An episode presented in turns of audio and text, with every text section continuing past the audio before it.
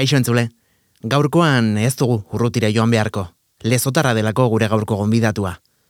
Musikan murgildurik daramatza azken urteak, baina artista multidisciplinarra da oroar. Gaur, gurean, ilargi harri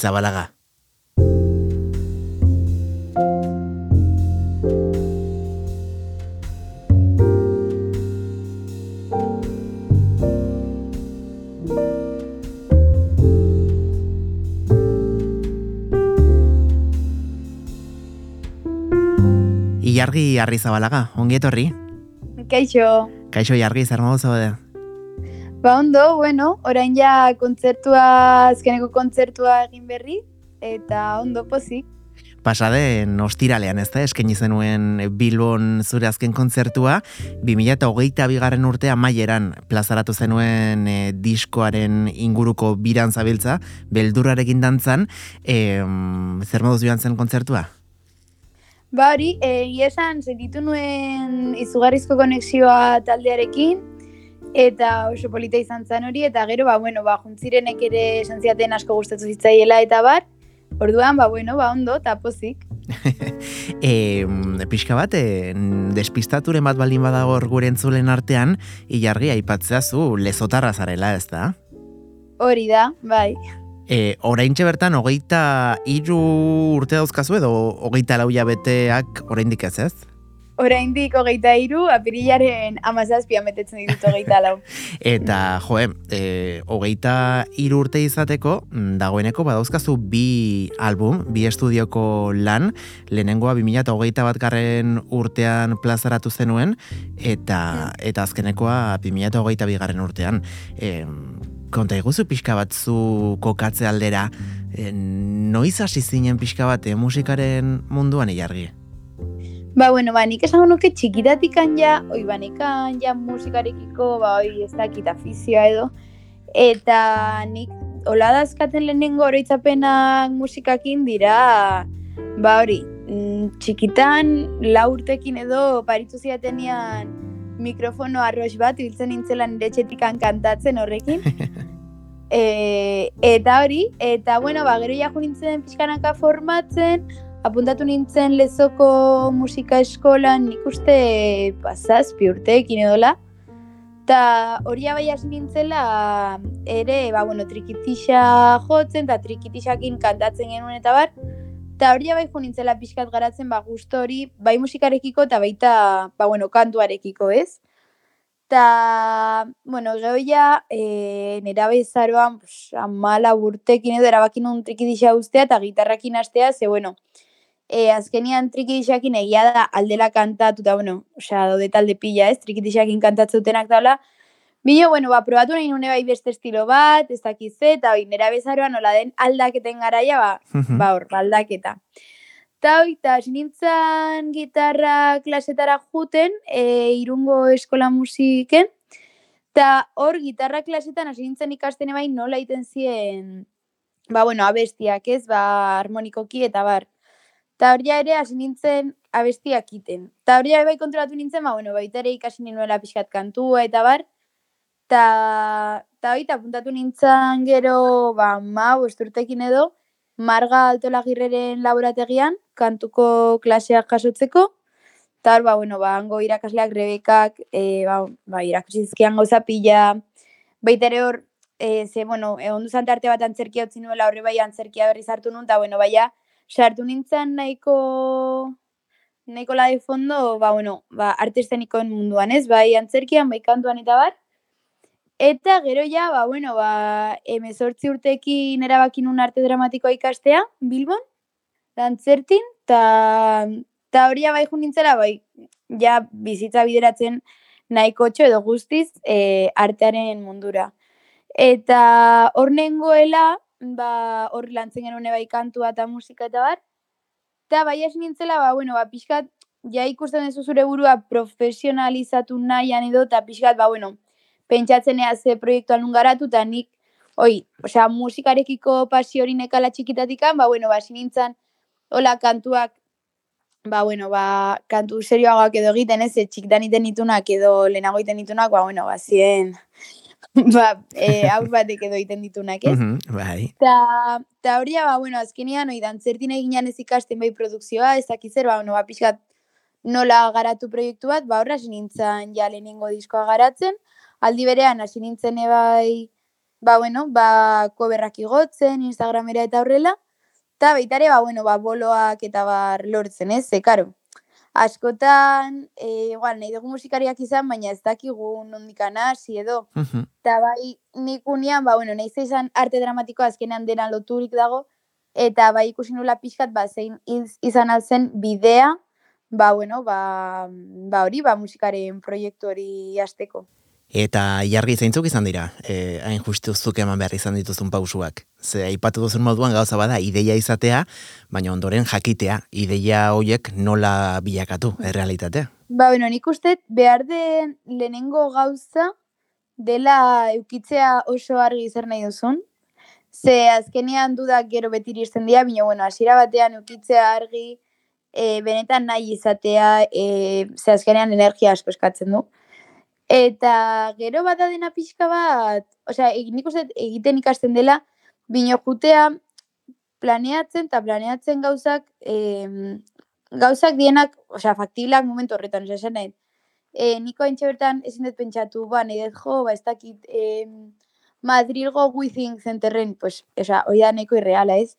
Bino, nik uste jarri berdiela, ba, pixkat, elmugak, ba, bueno, ba, oain, nahi disko bat atera, bale, disko bat, ai ateratzeko ze behar dit, ba, kantak egin, bale, ba, kantak egin, gero, kanta horiekin, e, zer egin dezaket, ba, bueno, adibidez, deitu estudiotara, eta bar, eta nik uste dela, e, nik utxen ezin izan indetena da, bai, jun, pauso txikiak ematen, eta, eta hori, ba, hasieran nola, alnaiz pixkat eman ezagutzera, ze azkenean, e, ba, bueno, ba, nahi gabe eman behar zara pixkat ezagutzera, ba, Mhm. bueno, ba, bituko berren bitartez, gaina da zerbait nik iten detena etxian, etzaituko estatzen ezer, kamera bat jartzea, ba, hori, iten det, kantatzen duten bitartean, eta hori gero igotzen dut. Gero hori, diskoarekin nitun kantuak, eta esan nun, bale, orain zer egin dezaket, ba, deitu estudio batera, eta gero ere egia da, ba, hori, deitzen duzu estudio batera, eta estudiokoak ere kontatzen diozu zure movida, eta eta laguntzen dizu, ez? Ze azkenean, nik uste e, baita ere suerta eukidet, ze gurutzatu nahi zen jende askok erakutsi dit ere,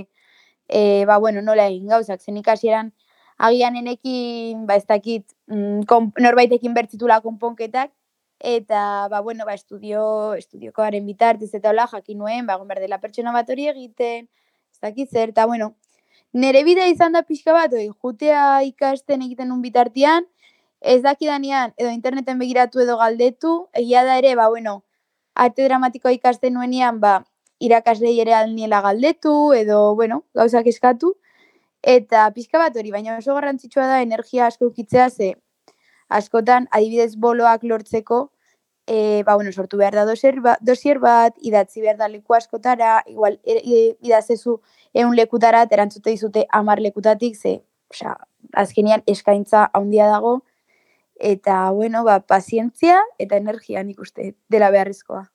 Azkenean oso lan bokazionala dago, ez da, jargi. Bai, bai, hori da. Mhm.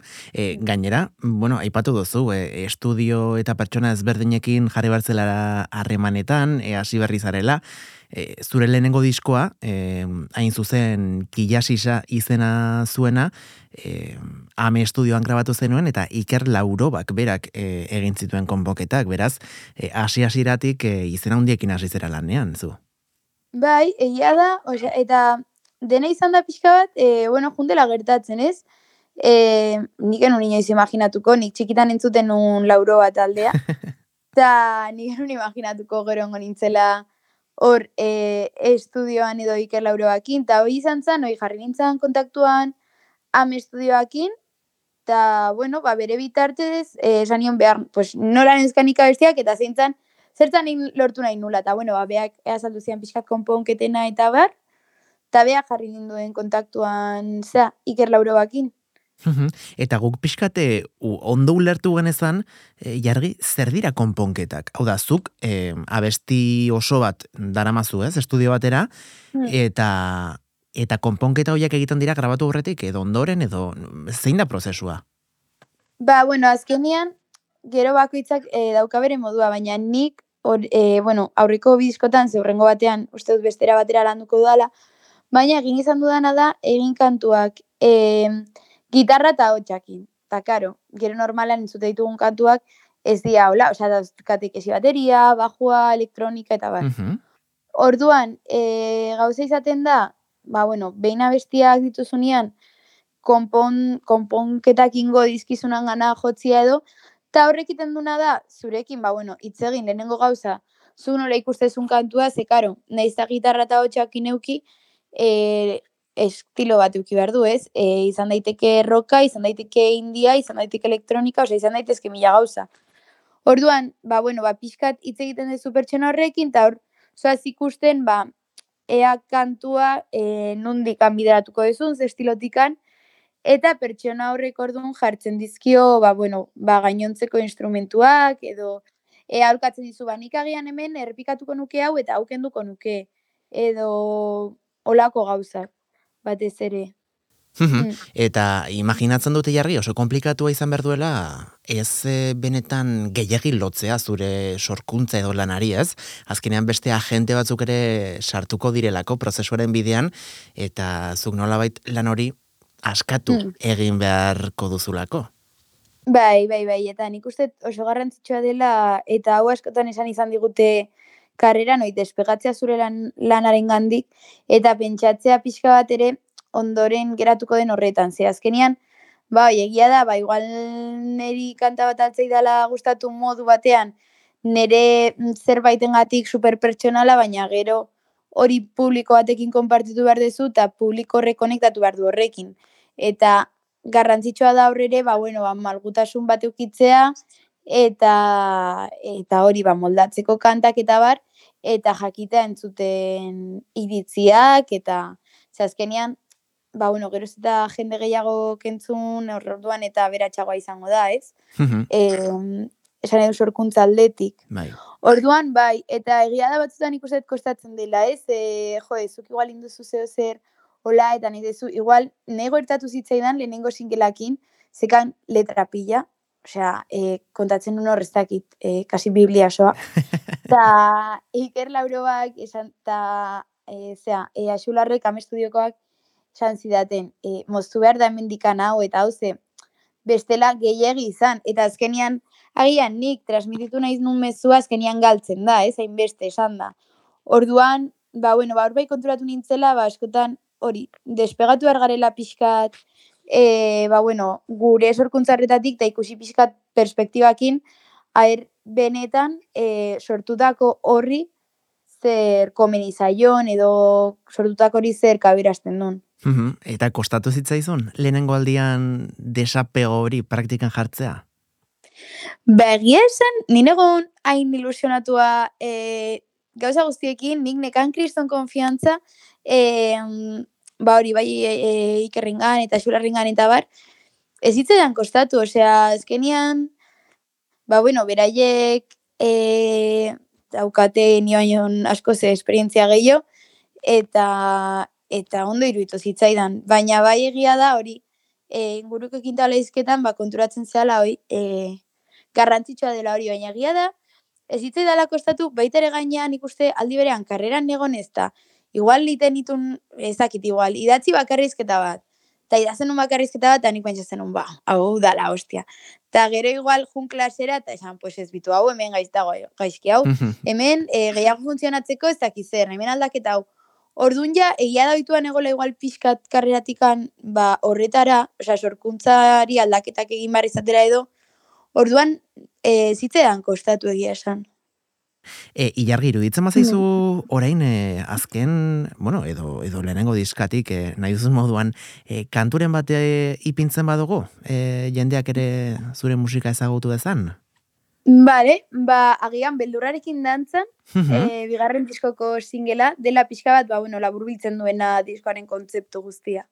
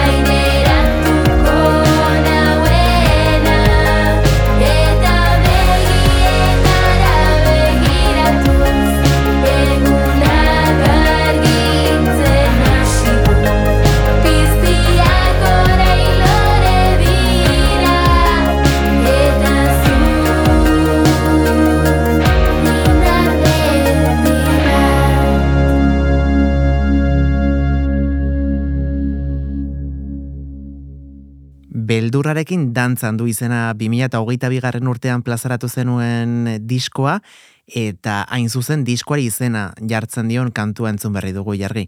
E, konta igozu pixka bat, e, nondik sortu zen guzti hau? Ba, bueno, e, azkenian, e, kantu hau beldurrarekin dantzan, osea, azkenian, ba, diskoari izena baten diona, izan zan, diskotikan sortu nuen azkeniko kantua, ze, bueno, azkenian nik diskoa erabakin un lantzea, osea, diskoan erabakin un lantzea nire, nire beldurrak edo, eta ordun konturatu nintzen, prozesu, prozesu horretan, osea, beldurra, beldurrekin lantzeko prozesu horretan, ba, beldurrak, ba, pixka bat askatu nitula, ez? Eta askotan, e, beharrezkoa dela beldurrak gainditzeko, beldurrei aurre aurre begiratzea, eta agian beldurtzen zizun hori bapatean dela askatzen zaituna eta gora eramaten zaituna, eta mm, ba ez dakit, ba, aurrera egitea bultzatzen dizuna, ez? eta pixka bat, ba, hori kontatu nahi nuen kantu honetan, e, azkenean, ba, bueno, labur bilduz nolako izan zen nire prozesua diskoarekin. Eta, bueno, ba, azkenean esaten du ez, ba, da pixkat historio bat, dagoela baso batean, e, dela piztiak, ezaki eta batan gonbidatzen dut e, beldurra nirekin dantzatzera, ba, bueno, ba, gau hori, gaua dela beldurtua nagoen egora hori, ira, irauten duen bitartean ez, ba, pixka bat, ba, bueno, beldur horrekin, e, ba, bueno, beldur hori azteko gestionatzen. Eta gero hori, e, saiatzen naiz beldur horren gandik egiten, baina beldurrak harrapatzen hau, oza, ezin da egin beldurraren gandik. Eta gero azkenian, ba, berriz jartzen da dantzan, eta azkenian erabakitzen dudanean, beldurra aurrez aurre begiratzea, hasten da eguna izaten, ez? Osea, ja, hasten da beldur hori desagertzen. Eta askotan egia da nik uste dut, gure gizartean oso ohikoa da, beldurren gandik ies egitea edo bizkarra ematea edo hori ba e, egitea beldurrak existituko ez balira bezala, baina nik uste dut beldurroiek galtzeko edo gainditzeko garrantzitsuena dela, ba, bueno, beldurroiek hoien aurrean jartzea, eta eta hori, eta ba, bueno, alden egitea hoiek gainditzeko edo gestionatzeko gutxienez. Jo, beraz, oso barrura begiratutako lan batetik, ez, e, sortu da, e, disko hau, prozesua imaginatzen dut ez dela bat ere erreixa izan, ez?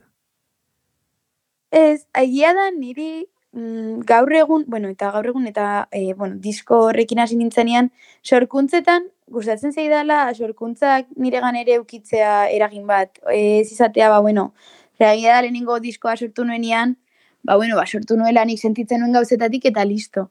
Baina egia da gaur egun, sorkuntzan eta artean, interesatzen zaidan agien da, erabiltze artea hori ba, evoluzio pertsonalerako eta eta pixka bat ba, jutea sakonera.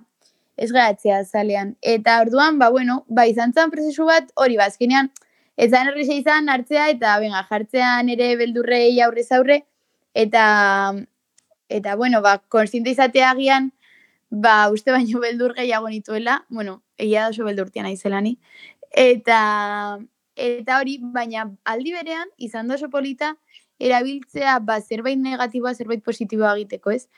Eta hori, eta diskoan, e, bueno, egia da, e, kantu guztiek ez dutela beldurrei buruz hitz egiten, baina bai kantu guztiak atera direla nire beldur batetikan, eta eta ez dakit niretzako hori izan da nahiko sanadorea. Osa hori, erabiltzea beldurrak, osea zerbait hori, ba negatiboa edo, ba, ba aurrera egiteko eta eta asko laguntzen du. Jo, ze, ze polita, eh? E, eta ziur nago, zure gan eraginduen bezala, ondoren hori kutsatzen dela, eta eta entzuleak ere jasotzen duela. E, energia guzti hori, lanketa guzti hori, eta gainera, e, ilargi, badakantu bat, laugarren kantua, txontxon izena duena, gaztea sarietan aurkeztu zenuena, eta finalera bai. ere iritsi zena. Bai, bueno, gatu zen, oza, e, bai, e, aukeratu, aukeratzen dituzte hogei kanta eta hogei kantu horietan gehatu zen. Eta, bai, bueno, kantu hori niretzako oso berezia da. E, bideoklipatea zen, 2000 eta hogeita iruko urrian edo azaroan, zangonke urrian, nik uste, bueno, datekin ez naiz oso nani. Eta niretzako hori oso kanta berezia da, ze, bueno, dago, dago oinarritua egoera erreal batean, e, bueno, esan dut nik dantzertin ikasi nuela, eta hori oinarritu nintzen dantzertin bizi izan genuen egoera batean, botere abusu batzuetan. Eta, eta bueno, hau gertatu zen, irakasle baten gandik, ba, bueno, jasan genituen botere abusuak, e, kejatu ginen, baina, bueno, bazkenian ba, ikusi dugu duela gutxi gertatu da ere, e, ez dakit nola ditzen dan zine zuzendari hau. bai, e, bai, e, Madrilen, e, ez zaitizena etortzen orain bertan. Bai, baina, bueno, osea, ikusten dugu eta ez gertatzen den, kejatzen denien jendia. E, gehiena jartzen direla abusatzaiaren alde, e, baskotan beldurragatik. Carlos Bermut, Carlos Bermut. Hori, hori Carlos Bermut. Eta orain ere gertatu da, egia da, ba, bueno, ba, poioa badagoela bai, ba, bueno, biktimentzako edola, baina gehienak jartzen dira tipoaren alde, edo esan ez ezagoela probarik, edo, bueno, azkenean relatibizatzen dira gauzak. Eta, eta bueno, ba, hortikan sortu zen kantua, ez eguk ikusi genuna izan zen, gehienek bizkarra eman zigutela, e, gure alde egin zuten bakarrik irakasle batzuek, beste gehienak gure aurka jarri ziren, esan ez, ba, bueno, eginela egiten kesi una kaza de brujas, ez dakiz zer, askotan gainera ematen du, e, ez dakit, e, ez da, ez da batera aurrekoan e, uste, ez dakit zeinek esantzun entzun nuela, eta egia da, izatea biktima bat, oza, mierda bat da, esan nahi, e, inork, ez du izan nahi biktima bat, edo ez du asmatu nahi olako zido zer. Eta, bueno, ba, ba, goera horretan, asko ikasi nuen, eta, eta bueno, ba, kanta bat atera nuen hortik, baita hitz egiteko ni buruz egia da, honi buruz ez dela hitz egiten eta leku askotan gertatzen dira botere abusuak ez bakarrik arte estenikoen munduan. Eta hitz egin behar da hauei buruz eta seinalatu behar da jendea, hori egiten duen jendea. Eta batu behar gara honen aurka egiteko, ze bestela behaiek daukate botere guztia, ze normalean dira tipo boteretsuak. Eta eta botere hori kendu behar zaie, eta nik uste dut botere hori kentzeko modu bakarra dela e, elkartzea eta horri buruz hitz egitea eta horren aurka hitz egitea eta jendia seinalatzea. Ba, zer iruditzen zaizu e, kantua bera entzuten badugu eta eta horrekin zuk eta zuren gurukoek bizitako errealitate gordin hori e, bueno, ba, gogora ekartzen badugu. Oso ongi.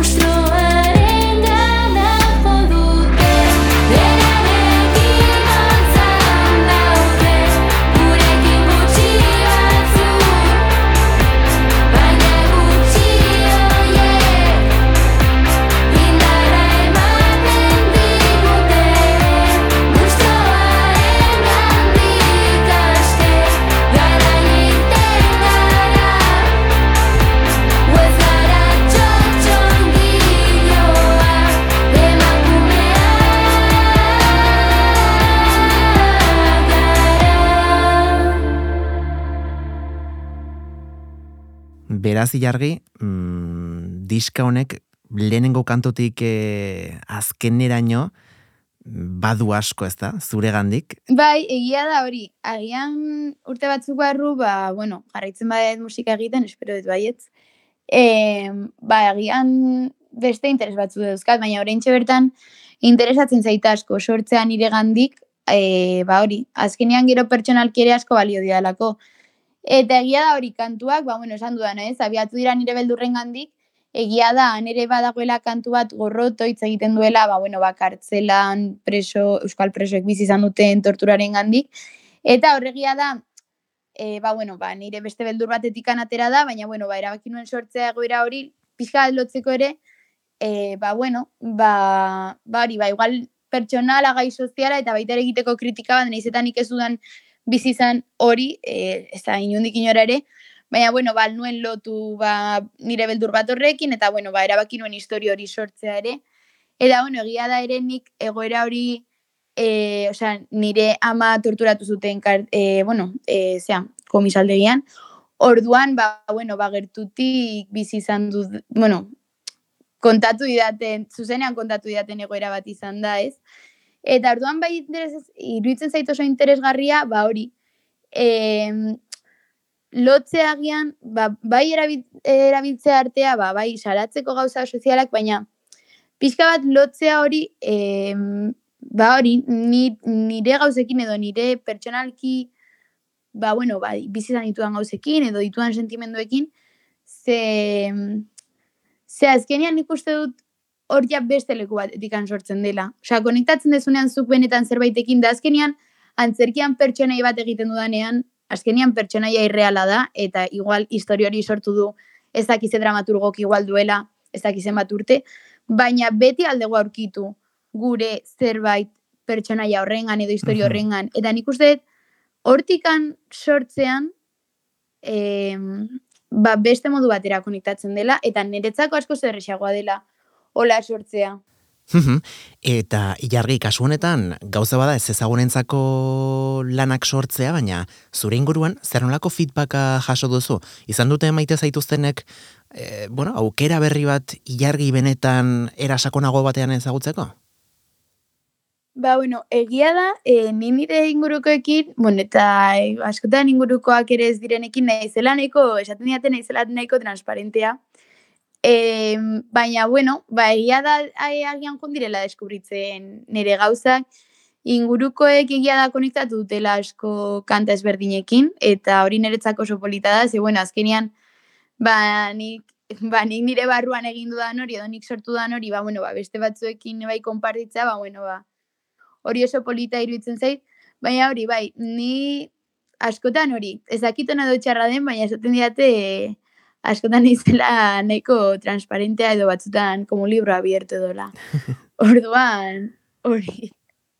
Ba, e, nik uste dut hori elkarrezketa honetan demostratu da zuela, ez? E, gu ez gera elkarrez dagutzen eta eta ze zabaltasunarekin, ez? Eta zintzotasunarekin ari zeran e, zure barneko e, mundu guzti hori hemen mai gainean jartzen, oraindik hogeita hiru urte dauzkazu. Lehenengo diskoa hogeita bat urterekin plazaratu zenuen, e, hori da. Bigarrena hogeita birekin, etorkizunera begira zer? E, artea eta sorkuntza imaginatzen dut presente izango direla zure bizitza, baina arteak badauzka, zoitz batek bezain adar e, asko edo gehiago agian, e, nondikan gustatuko litzizuke zure ibilbidea bideratzea? Musikatik jarraitzea edo... Hmm. Ba, bueno, egia da, orain nabilela eh, beste beste batekin e, antzeslan bat montatzen aurrentzako. E, bueno, oraindik estren ez dakigu naiz estrenatuko da, agian iraian edo horrela. Eta bueno, ba baina idala eta bueno, aldi berean nagorein egiten master bat e, Bilboko Askuna zentroan, ba bueno, pixka bat sorkuntzaren inguruko master bat. Eta nire ideia da orain TFM, TFM-arekin astea garatzen ba urrengo diskoa, beitare landuko dut e, gaineko pertsonal bat. Eta mm, gero ere, bestalde, ba, bueno, ba, hori, bantzerkiaren munduan egia da orain, ari naizela aurrekin lanean, e, antzerki klaseak ematen, eta, bueno, ba, konturatu nahi zere, landu nahi dudala pixkatori, aurra antzerkia. Orduan, ba, bueno, ba, baina ditu dala jarraitu bildoiek, bai musikarena, bai antzerkiarena, eta, bueno, ba, baita ere saiatu pixkatu uztartzen, adibidez orain zuzenekoetan, e, ba, bueno, ba, sartu et pixkat teatralizazio pixkat, badaude ah, audio batzuk, badaude, bai, badaude, bai, e, bueno, objetu batzuk eta bar, eta e, kontzertuak berez badauka, ba, bueno, horrela hildo bat edo. Eta nire ideia da, ba, hori, ba, bai antzerkian, ba, bueno, jarraitzea lanean bai klaseak ematen eta sortzen. Eta baitaren musikan, ba, bueno, garatzea, eta baina uztartzea ere antzerkiarekin, ba, bueno, zuzenekoetan eta bar, ze azkenian, nik uste dut baita ere dela modu bat mezua helarazteko, eta, bueno, eta aparte gustatzen zaidala pila bat ere antzerkia, hori kasi dut, orduan, ba, bueno, ba, hori da nire ideia. Ilargi, nun aurkitu genezake zure inguruko informazio gehiago? Ba, bueno, ba, badaukat webgune bat ilargi.eus, juten eizela aktualizatzen alduan enean, ze, bueno, hori ere nik sortu nuen eta nik gestionatzen dut. Eta gero ere, ba, Instagramen ilargi barra baja bilatuta, e, Facebooken ilargi jarrita gertzen da, eta, bueno, eta YouTube eta Spotifyen eta horrela jarrita ilargi beldurarkin dantzan edo edola, ba, gertzen da ere.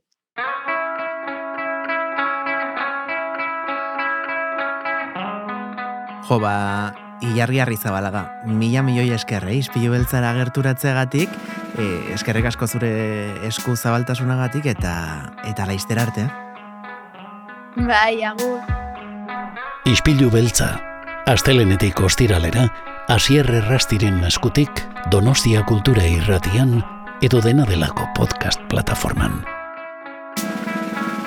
Ba, tirantzule, eskerrik asko gaurkoan ere, eh? gurekin bat egiteagatik, hau izpilu beltza saioa izan da, Donostia Kultura Irratian, eta bihar ere saioaren beste edizio berri bat izango duzu, goizeko seiretan, podcast plataformetan, eta zortziretatik aurrera Donostia Kultura Irratian. Egun da zazpi.lau FM-an, edo irratia.donostiakultura.eus atarian. Bien bitartean, badakizu, eh? gozatu egunaz, eta txintxe bili. Agur!